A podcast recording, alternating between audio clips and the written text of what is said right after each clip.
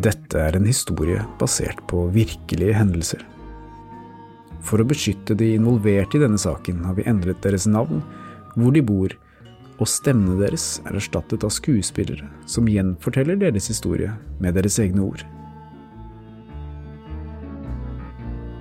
Dette er Blod på veggen, en podkastserie i åtte deler fra Avhørt.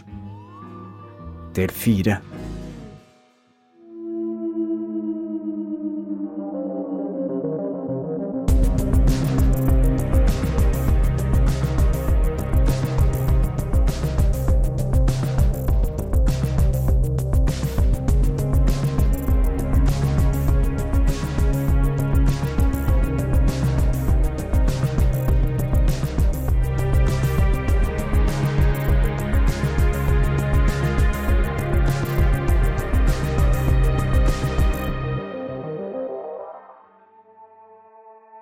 Skjer veldig fort. Jeg rekker ikke å reagere. eller noen ting. Jeg får liksom en hånd over munnen um, og kjenner at liksom jeg. I forrige episode hørte vi om hvordan kvinnen vi har gitt navnet Silje, ble brutalt overfalt utenfor sitt eget hjem, stripset fast, kneblet og truet med kniv. Han som sto litt lengre bak, han går bort til det han trodde var mobilen min, og plukker den opp.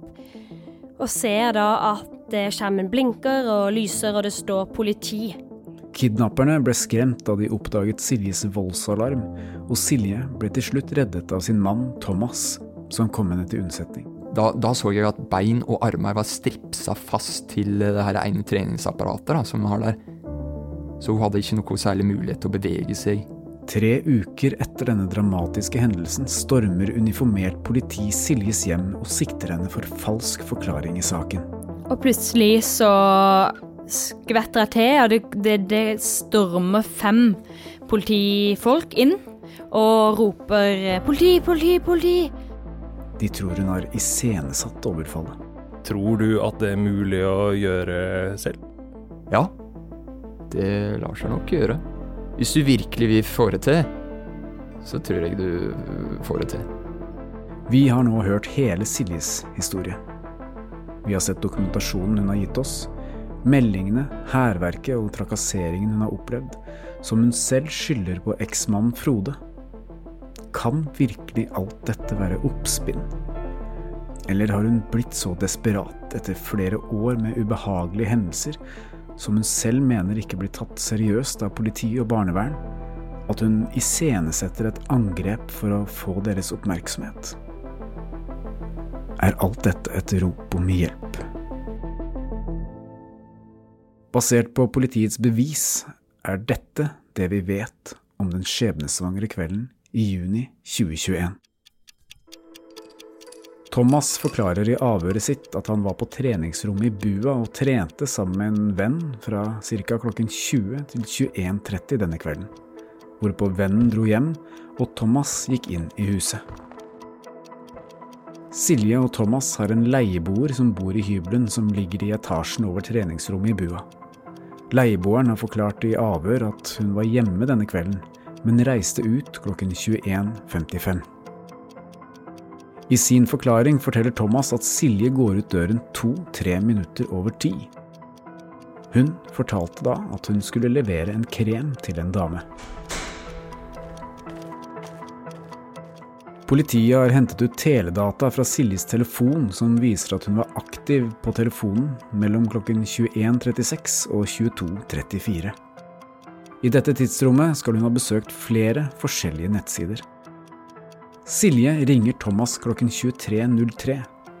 Dette anropet blir ikke besvart før hun ringer på ny klokken 23.05.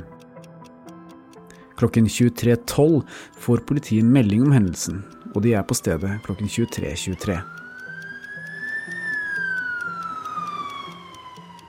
Thomas og Silje avhøres hver for seg fra klokken 23.30, og når Silje er ferdig med sin forklaring, kjøres hun til legevakt for videre undersøkelser. Klokken 23.43 oppsøker politiet adressen hvor Frode, Siljes eksmann, bor. De forlater stedet uten å forsøke å ta kontakt. La du merke til en viktig detalj der. Thomas fortalte altså i sin forklaring at Silje gikk ut døra et par minutter over ti. Dette var han sikker på, sier han, fordi Silje spurte ham hva klokka var før hun gikk ut. Han så da på sin egen klokke og sa den var to–tre minutter over ti. Silje fortalte at hun ble overfalt rett etter at hun gikk ut døra, men ifølge teledataene skal hun altså ha vært aktiv på telefonen sin flere minutter etter dette, helt fram til klokka 22.34. Mystisk, ikke sant? Vi reagerte på dette, og det gjorde politiet også. Helge og Stein Morten har sett nærmere på politiets siktelse. Vi har jo hørt om hvordan politiet ankom huset til Silje og gjennomførte full ransaking og pågrep Silje for falsk forklaring. Det, det, her kan jo ikke politiet bare gjøre sånn uten videre, de må jo ha en grunn til det. Ja, og vi har jo fått tilgang til politidokumentet hvor de begrunner hvorfor de reagerte så voldsomt, og her står det skjellig grunn til mistanke. Og da mener de, altså de stiller spørsmålstegn ved at ingen visste at hun skulle ut den aktuelle kvelden, det har vi snakket om vi òg. Likevel er det noen som har ventet på henne. Mm. Så de, ja, det er jo samme som vi diskuterte, at tilfeldigheten her, da, ja, det er mener de politiet er mistenkelig. Ja, at det, at, det, at det, er for tilfeldig at disse eventuelle gjerningsmennene da skal ha hengt rundt på gården der, og så eh, hatt maks flaks med at hun kom gående ut akkurat på det tidspunktet den kvelden. Ja, og Så står det at gjerningspersonene tar henne med inn i et uthus på eiendommen, hvor det er innredet treningsrom som opplyses at brukes hyppig, samt utleieleilighet i annen etasje. Oppdagelsesrisikoen er med andre ord stor, og det vi også snakket om, at eh, hvis du skal overfalle noen eh, på den måten som det blir gjort, så er det jo relativt stor sjanse for at noen eh, får med seg det. Ja. Og det er også politiet litt sånn skeptisk til da, i denne, dette dokumentet. Samtidig så vet vi ingenting om sinnstilstanden til de som utfører det her. Hvor gjennomtenkt det egentlig er, det, det, det kan vi jo ikke vite. Og så står det at leieboeren var hjemme rett før dette hendte, hun hadde gått frem og tilbake på gårdsplassen mellom egen bil og leilighet flere ganger, og reist rett før den angivelige hendelsen. Hun har ikke sett eller lagt merke til noe spesielt. Gjerningspersonene skal altså ha valgt å gjennomføre handlingen, til tross for at de på det tidspunktet må ha sett at det var flere personer til stede på eiendommen, inkludert samboeren. Mm. Så de uh, syns at det er litt uh, merkelig at de har gjennomført dette med såpass mange vitner til stede, og igjen sjanse for at da noen skulle se dette, da. Ja, og det, det er selvfølgelig helt naturlige ting å påpeke. Det er liksom elementer som gjør at denne hendelsen høres litt rar ut. Så ble det også gjennomført en rundspørring i nabolaget, hvor politiet kom i kontakt med tre av naboene, og ingen hadde sett eller hørt noe. Men det har vi jo vært og sett på. Mm. Og vi har jo gått opp til disse ulike husene som ligger rundt, og, og vi konkluderte jo med at det er ikke så enkelt å, å se fra de vinduene ned på den gårdsplassen ved bua der. Og innsynet er begrensa. Sammeren uttaler i avhør at han heller ikke hørte eller så noe den aktuelle kvelden, og opplyser at han satt i stua og så på TV og spiste kveldsmat når hun dro, og at han gikk og la seg rett etterpå. Mm. I begge avhørene er han tydelig på at hun gikk ut døren et par minutter over klokken ti. Ja. Vi har jo vært i huset der, og eh, fra det punktet hvor Silje da skal ha blitt angrepet, til der Thomas eh, satt i stua, den er ganske lang. Dette er et stort hus, og eh, i den veggen der hun eh, hadde da sparka, hun sparka inn i, i husveggen, der er det jo et digert bad, og så etter man kommer ut av det badet, så er det fremdeles 12-13 meter bort til sofaen, hvor eh, da eh, Thomas sier at han sitter og ser på TV med ganske høy lyd. Ja, så Det er kanskje ikke så rart at han ikke fikk med seg, med seg det, da. Ja. Det som jeg må innrømme at jeg reagerer litt på, det er politiets oppførsel her. Fordi at uh, det er greit nok at de mistenker henne for falsk forklaring, og at hun har iscenesatt dette selv, men fra der til å rykke ut med flere politibiler, ta seg inn i huset, skrike politi, pågripe henne og ransake hele huset, framstår for meg som en skikkelig overreaksjon.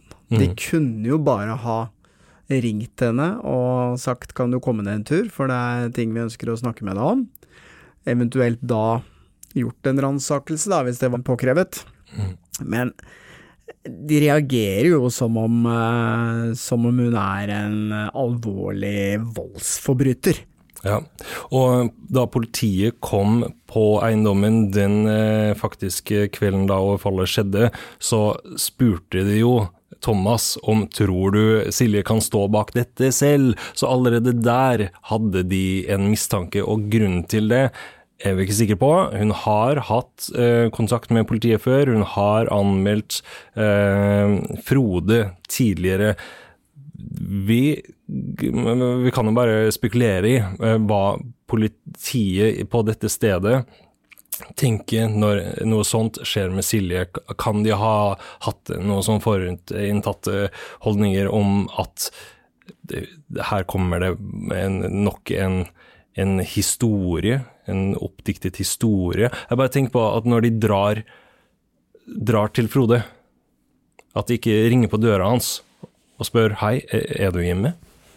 Ja, jeg syns det er veldig merkelig. Hvis du, du, reiser til en adresse for å sjekke om, eh, altså om Frode da er eh, hjemme, og du gidder ikke å banke på døra engang, du gidder ikke å forsikre deg om at han er hjemme, du ser bare at det er mørkt i huset og at bilen står utafor, konklusjonen er at uh, han er hjemme og sover. Det syns jeg også er dårlig mm. politiarbeid.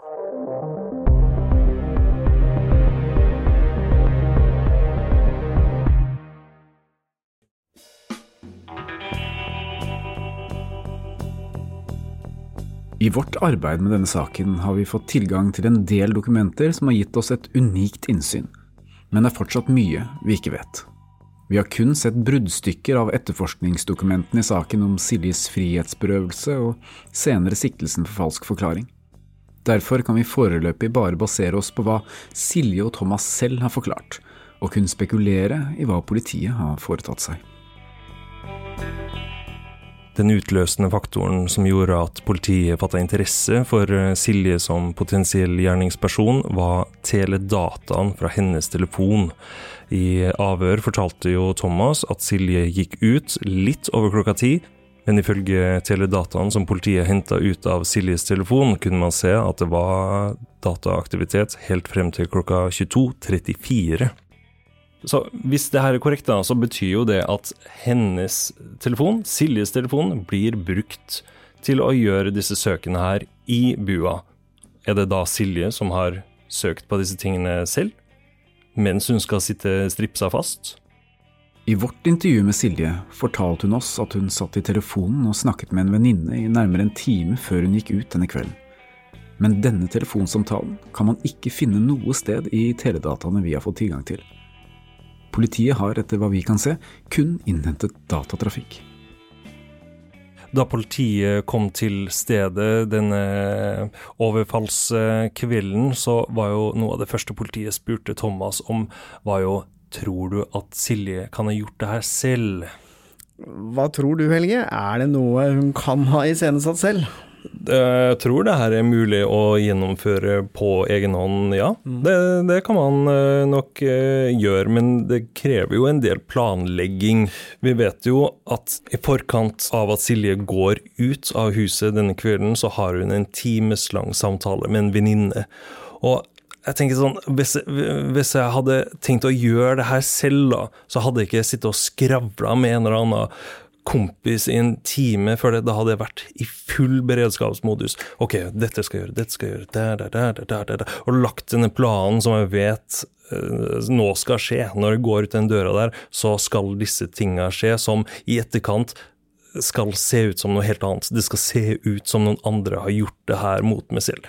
Så det er jo én ting som taler imot at hun skal ha gjort det.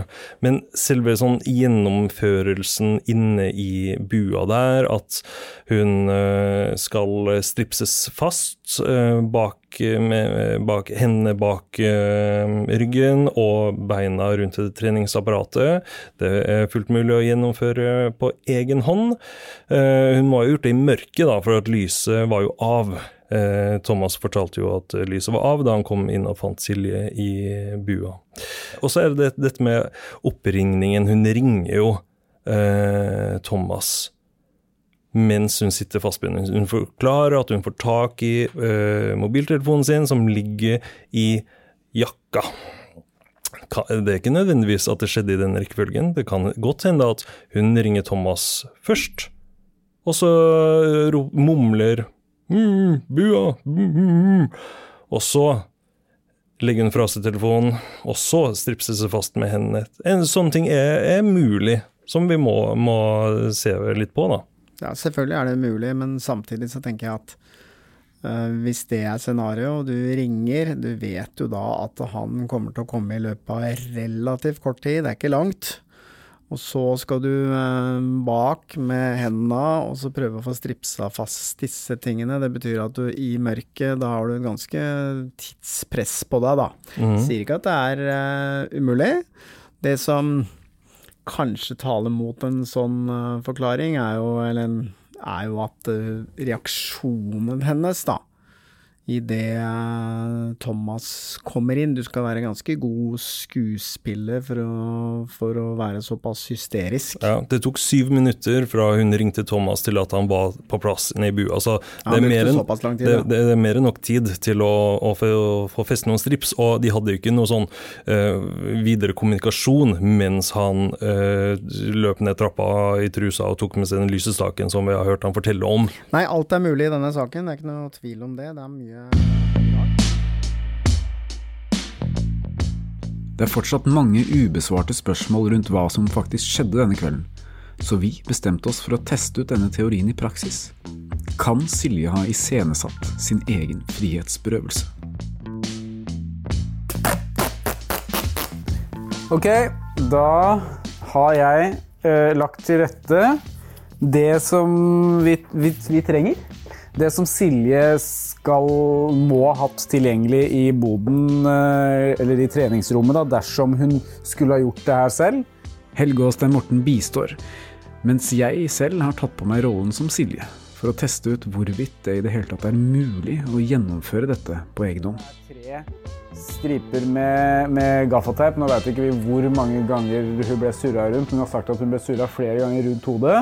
Tre ferdige striper med gaffateip. Eh, rullen, den var jo ikke å finne noe sted. Den kan ha blitt liggende igjen i resten av redskapsboden der, da. Hvis politiet rykker ut på et sånt åsted, og de foretar åstedsundersøkelser, så vil du selvfølgelig sjekke og prøve å finne den taperullen for eventuelt å se om det er noe fingeravtrykk eller DNA på det. Vi kan bare ta utgangspunkt i det vi vet, og vi vet at det ikke ble funnet noen taperull. Så derfor så må vi anta at de i hvert fall lette etter dem. Ja, Vi må jo ta høyde for at de eh, gjorde en eh, ransaking og undersøkelse og prøvde å finne noe av disse tingene. Men eh, også har vi seks eh, strips. Tre Ja. til beina og tre til armene. Det er svarte strips eh, fra Claes Olsson. Eh, og så har vi en treningsbenk, eh, ikke ulik den som, eh, som Silje skal ha blitt stripsa fast til. Um, jeg er vel... Stripsene som ble brukt var av en type svarte, tykke strips man får kjøpt på Claes Olsson, og i sin etterforskning innhentet politiet bilder fra overvåkningskameraene på den lokale Claes Olsson-butikken, samt kvitteringer av alle salg av denne typen strips den siste uken før hendelsen fant sted, uten at dette førte noen vei. Men nå skal vi teste. Skal jeg prøve på egen hånd å stripse meg fast? Du har laga tre rimser med gaffateip som henger klar. Eh, Jeg tar ikke på meg gaffateipen nå, for da kan jeg jo ikke snakke. Skal vi se. Nå tar jeg først Sånn, der har vi fått på én. Husk at den skal sitte skikkelig stramt. Ja, det sitter stramt. Okay. Så må jeg lirke den her nedi. Sånn. For at den skal kunne monteres her. Rundt legg nummer to. Altså en strips rundt hver ankel, og så har du gjort klar én tredje strips, som da bare skal smekkes mellom de to igjen når du får beinet i posisjon. Og dette, eh, nå jobber vi ut fra at dette skal Silje ha sittet og gjort da inne Ja, ja. i, i bua. Eller I mørket. Og så er det ser jo nesten ikke noen ting her. Nei, Så må du må bøye den, det ned, og så nå tar du for å feste de stripsene sammen. tar jeg den inni der. Ja. Vet vi noe om hvor stramt de Treningsbenken som ble brukt, var av en type flerbruksbenk som man kan gjøre flere øvelser med. Den har et kort sete samt et sett føtter under og en anordning på toppen som man eksempelvis kan ha lårene under når man gjør nedtrekk. Ifølge Silje og Thomas sin forklaring skal Siljes føtter ha vært bundet fast bak eh, føttene på benken og hendene bak denne anordningen på toppen, slik at når hun var ferdig stripsa fast, var det svært liten mulighet for å bevege seg. Når jeg fester den her nå, så får jeg jo ikke rørt meg noe særlig. Sånn. Og så tenker jeg at uh, Silje hun fikk jo buksene revet av. Så da må man nesten gjøre det først. Nå må jeg bare tenke at eh, Jeg tar ikke av meg nå, men la oss tenke at jeg nå drar jeg ned buksa. For nå må jeg, må jeg tenke rekkefølge på hvordan jeg skal gjøre Hvis dette skal bli riktig, Lars, så må du nok dra med Ja, men så, Lars har jo nå på seg en dongeribukse. Silje hadde på seg en sånn der treningstights-type kosebukse, eh, som var ned på, på knærne da hun ble funnet. Og, og, og bare, skulle, bare det at Hvis du skal gjøre deg selv, da, og bare komme opp med den ideen om at jeg drar av meg buksa halvveis ned. Den er ganske Det tror ikke jeg hadde tenkt at det, det skal jeg gjøre. Da, da ser dette troverdig ut. Det skal ut. være en del av trusselen. Nei, det er litt rart, altså. Ja, det er rart. Nå har jeg festa én strips rundt hvert håndledd. Og så tar jeg den tredje nedi sånn. Samme som jeg gjorde på beina. Og så må jeg klare å få den stripsen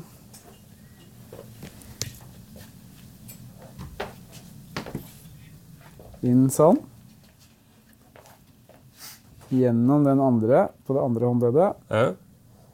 Nå skal du altså feste den tredje stripsen eh, bak, eh, bak din egen rygg. Du ser ikke hva du gjør. Jeg ser ikke hva jeg gjør, men jeg kjenner det jo relativt greit. Kjenner det Ja. Fryktelig knotete opplegg. Der.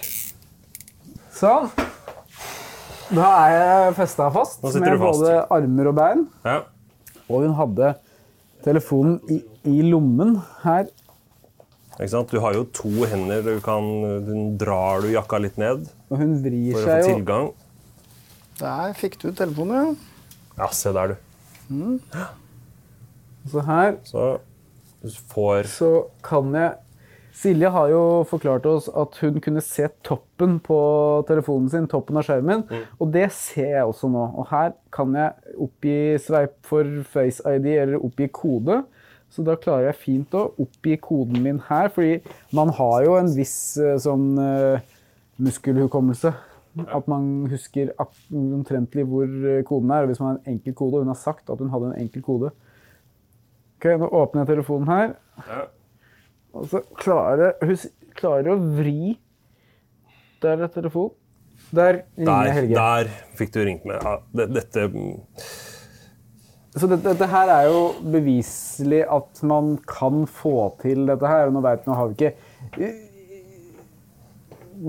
gjenskapt nøyaktig sånn som det var. Eh, og vi, vet, vi kan jo umulig vite akkurat hvordan det var, og hvordan hun satt, og eh, akkurat hvor stramt disse stripsene satt. Bortsett fra det vi har sett på bilder. Men ja. Eh, det er jo ett, en faktor til som er viktig i den sammenhengen her. Mm. Og det er jo at hun gjorde det i mørket. Ok, da skrur jeg lyset. Ok, da tester vi det. Hvis Silje har gjort dette mot seg selv, må hun ha gjort det helt eller delvis i mørket. Lyset var av da Thomas fant henne, og lysbryteren var langt fra der hun satt fastbundet. I tillegg kan man se vinduet til treningsrommet fra kjøkkenet i huset, så det var svært høy risiko for å bli oppdaget dersom Thomas var på kjøkkenet. Jeg prøver derfor nøyaktig den samme øvelsen med bind for øynene. Og denne gangen skal jeg også ha gaffateip rundt munn og nese. At lyset har vært av hele tiden. Men Ja. eh, jeg tar først på teipen. Jeg bare legger merke til nå uh, Dette her, det som skjedde med teipen, Lars, som ofte skjer med teip, er at den snurrer seg rundt. Ehm, og, og blir en sånn her krøll. Og da er jo den her ubrukelig. For nå har liksom teipen har festa seg fast i hverandre. Det er fort gjort at det skjer. Og hvis det har skjedd ute i boden der, og dette, hvis dette har blitt gjort i mørket, hvor er disse leftovers-bitene da? Ok, du begynner med høyre fot. Okay, og Da skal du stripse fast beina bak der. Da har du allerede en strips klar der, som sted. Og nå ser du altså ingenting, eller? Nei. Du fikk en gjennom der nå. Man må Nå bare egentlig bare føle få seg frem til, til hva som er riktig. låst den stripsen sånn. men, men har en viss kjennskap til strips, da, hvordan det fungerer. Ja. Altså, Én ting er å gjennomføre det her praktisk, Stein Morten, men hva foregår i hodet ditt når du sitter og gjør det her mot deg selv, hvis, hvis det skal være tanken der, da? Og med fare for å bli oppdaga. Ja. Du er nå ganske stressa da, så det er klart at eh, stress påvirker jo selvfølgelig evnen din til å konsentrere deg. Så det jo, gjør det mye vanskeligere, selvfølgelig. Det vi vet, er jo at Silje i en time eh, forut for det, dette her skal ha sittet i, i, i en telefon og prata med en annen eh, dame. hvis hun skulle ha gjort det selv, må hun sitte helt rolig og snakke i telefon med en dame og gjort noen søk, og så Der, snakke nå, om deg, men nå Der. sitter du fast. der har vi strips. Alle stripsene på plass. Du har gaffateip rundt både nese og munn. Og nå skal du prøve å få tak i denne mobiltelefonen. Det tok 4 minutter og 40 sekunder. Fire minutter. Og da er mobiltelefonen som ligger i høyre jakkelomme, som er målet. Og den får du tak i der eh, ganske kjapt, ser det ut som. Du har jo på deg nå en eh, så godt som identisk jakke som det Silje hadde den eh, kvelden. Og der ringer det. Her. Dette er min telefon, som du nå har ringt.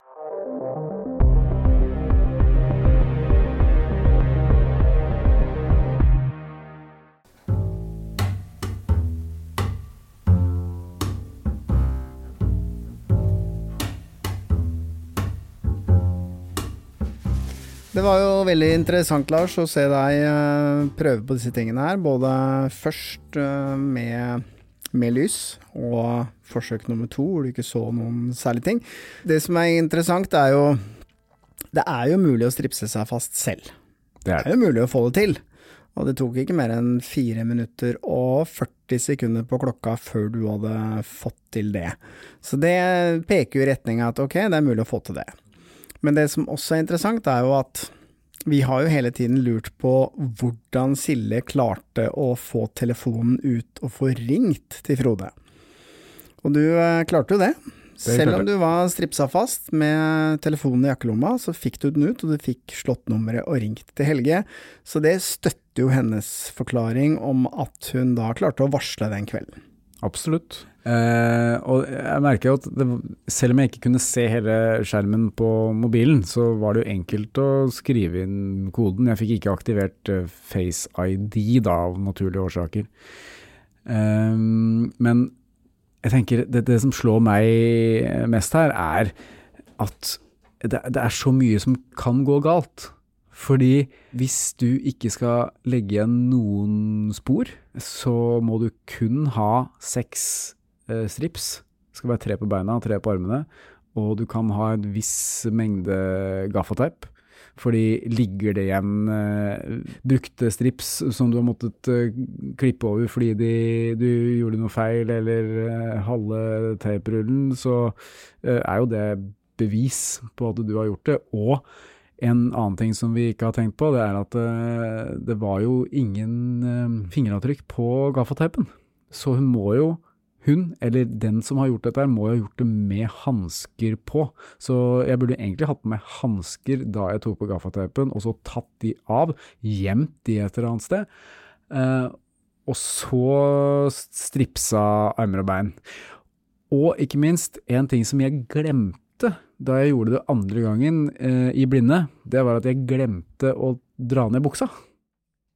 Ja, det er jo interessant. Så det er jo liksom, det er så mange ting som man kan glemme, uansett om man har Jeg kjenner dette her inn og ut hendelsesforløpet, eller i hvert fall alle elementene som skal til for eh, at dette her skal liksom skje akkurat på den måten som det har skjedd, skal ha skjedd med Silje.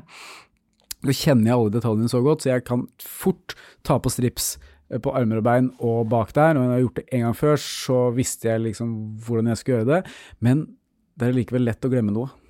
Og har du stripsa fast uh, armene dine først, og glemt å ta beina først, for, for eksempel, så sitter du jo fint i det. Så det må være så nøye planlagt, da, tror jeg, for at du skal få det til. I tillegg til det så vet vi at hun satt en time i telefonen før dette skjedde, og at hun uh, da skal ha gått rett ut i bua Uh, jeg vil jo tippe da at det er et visst stressfaktor, uh, stressmoment involvert her også. Mm. Uh, man er ikke så rolig som det du var nå. Og det gjør jo ting enda verre, da.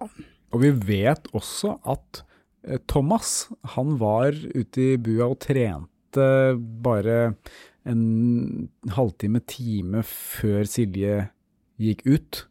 Ja. Så alt som skal ha vært preppa der ute, det må jo I så fall ha vært godt gjemt. Ja. Og hun kan jo ikke ha hatt det med seg ut fra huset, for da ville jo Thomas ha mest sannsynlig lagt merke til det. Nei, jeg er ganske sikker på at uh, forklaringen hennes stemmer, og at uh, dette har hun ikke gjort uh, selv. Jeg tenker at hvis hun skal ha fabrikkert dette her selv, så må hun ha hatt en medhjelper. Det må ha vært noen der som uh, sto klar med en uh, avbitertang dersom stripsen gikk feil, eller altså noen som har hjulpet henne med å feste henne fast. Så, og vi, vi, vet jo at det er DNA fra en mannsperson som er funnet på de stripsene. Så er, man kan heller ikke utelukke at det var en person der som kan ha hjulpet Silje. Ja, Altså en mann eh, i tillegg til eh, Thomas. Stemmer. Ja. Mm. Men, eh, men, det er mye som peker mot at eh, det hun forteller stemmer. Og ikke minst, det er så mange andre faktorer som kan gå galt eh, den kvelden. Hun hadde et vindu på en halvtime, litt under en halvtime hvis man skal følge uh, teledataene, uh, hvor hun eh, kan ha blitt, kunne ha blitt oppdaget av en nabo. Vi vet at det ikke var noen nabo hjemme på det tidspunktet. Det, kun, det, er vanskelig for henne å vite at naboen er bortreist. I mm. hvert fall hvis du sitter og skravler i telefonen i sofaen hjemme i en time. Vi har jo vært der. Du ser ikke naboen fra sofaen. Det gjør du ikke. Og du ser heller ikke eh, der hvor eh, leieboeren bor.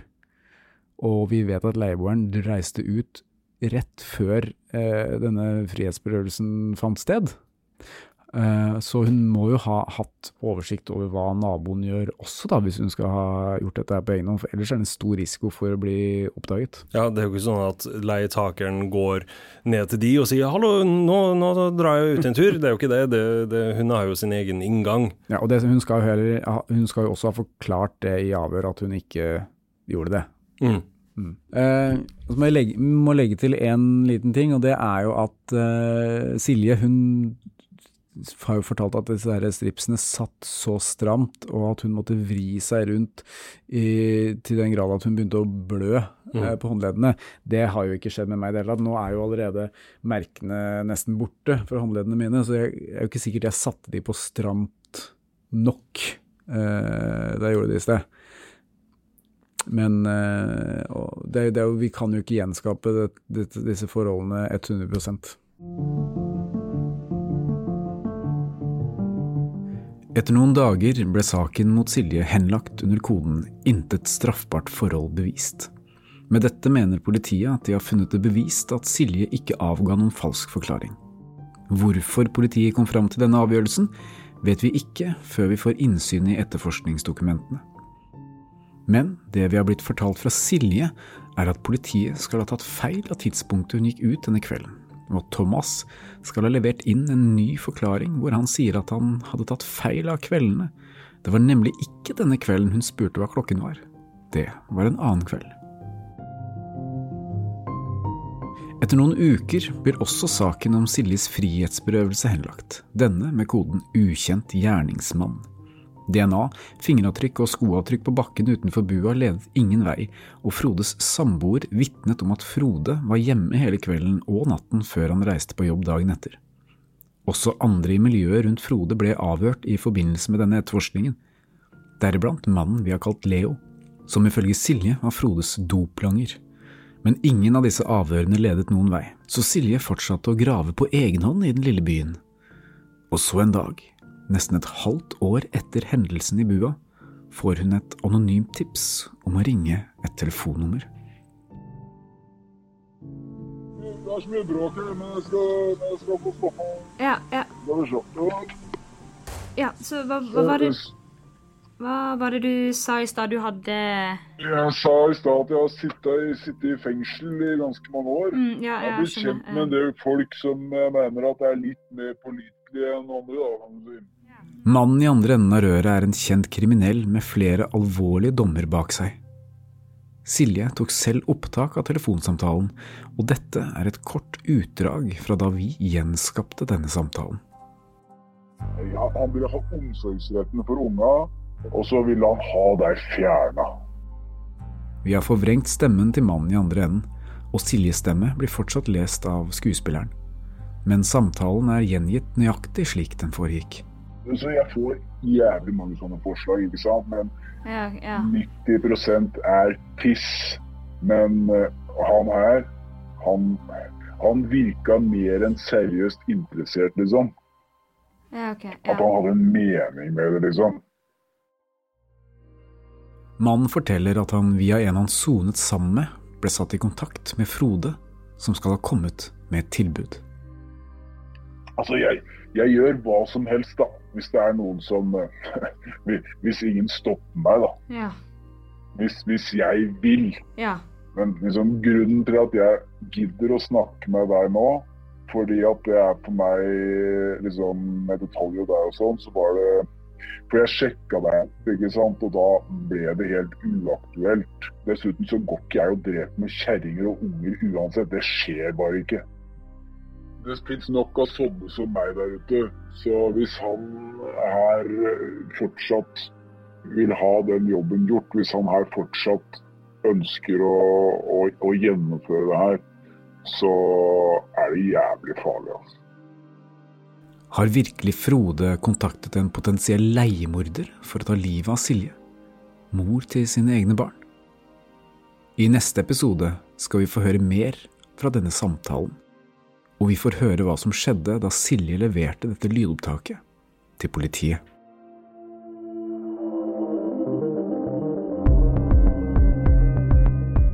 Avhørt er produsert av Batong Media. Redaksjonen vår består av Stein Morten Lier, Helge Molberg, Marius Søvik Bergersen og meg selv, produsent Lars Christian Nygårdstrand. Temamusikken til Avhørt er laget av Altered States, og du finner oss på Facebook og Instagram. Hvis du vil høre eksklusive serier fra Avhørt, ett og et halvt år før alle andre, finner du disse på Podme. Gå inn på podme.no, eller last ned Podme-appen. Ansvarlig redaktør i Batong Media er Stein Morten Lier.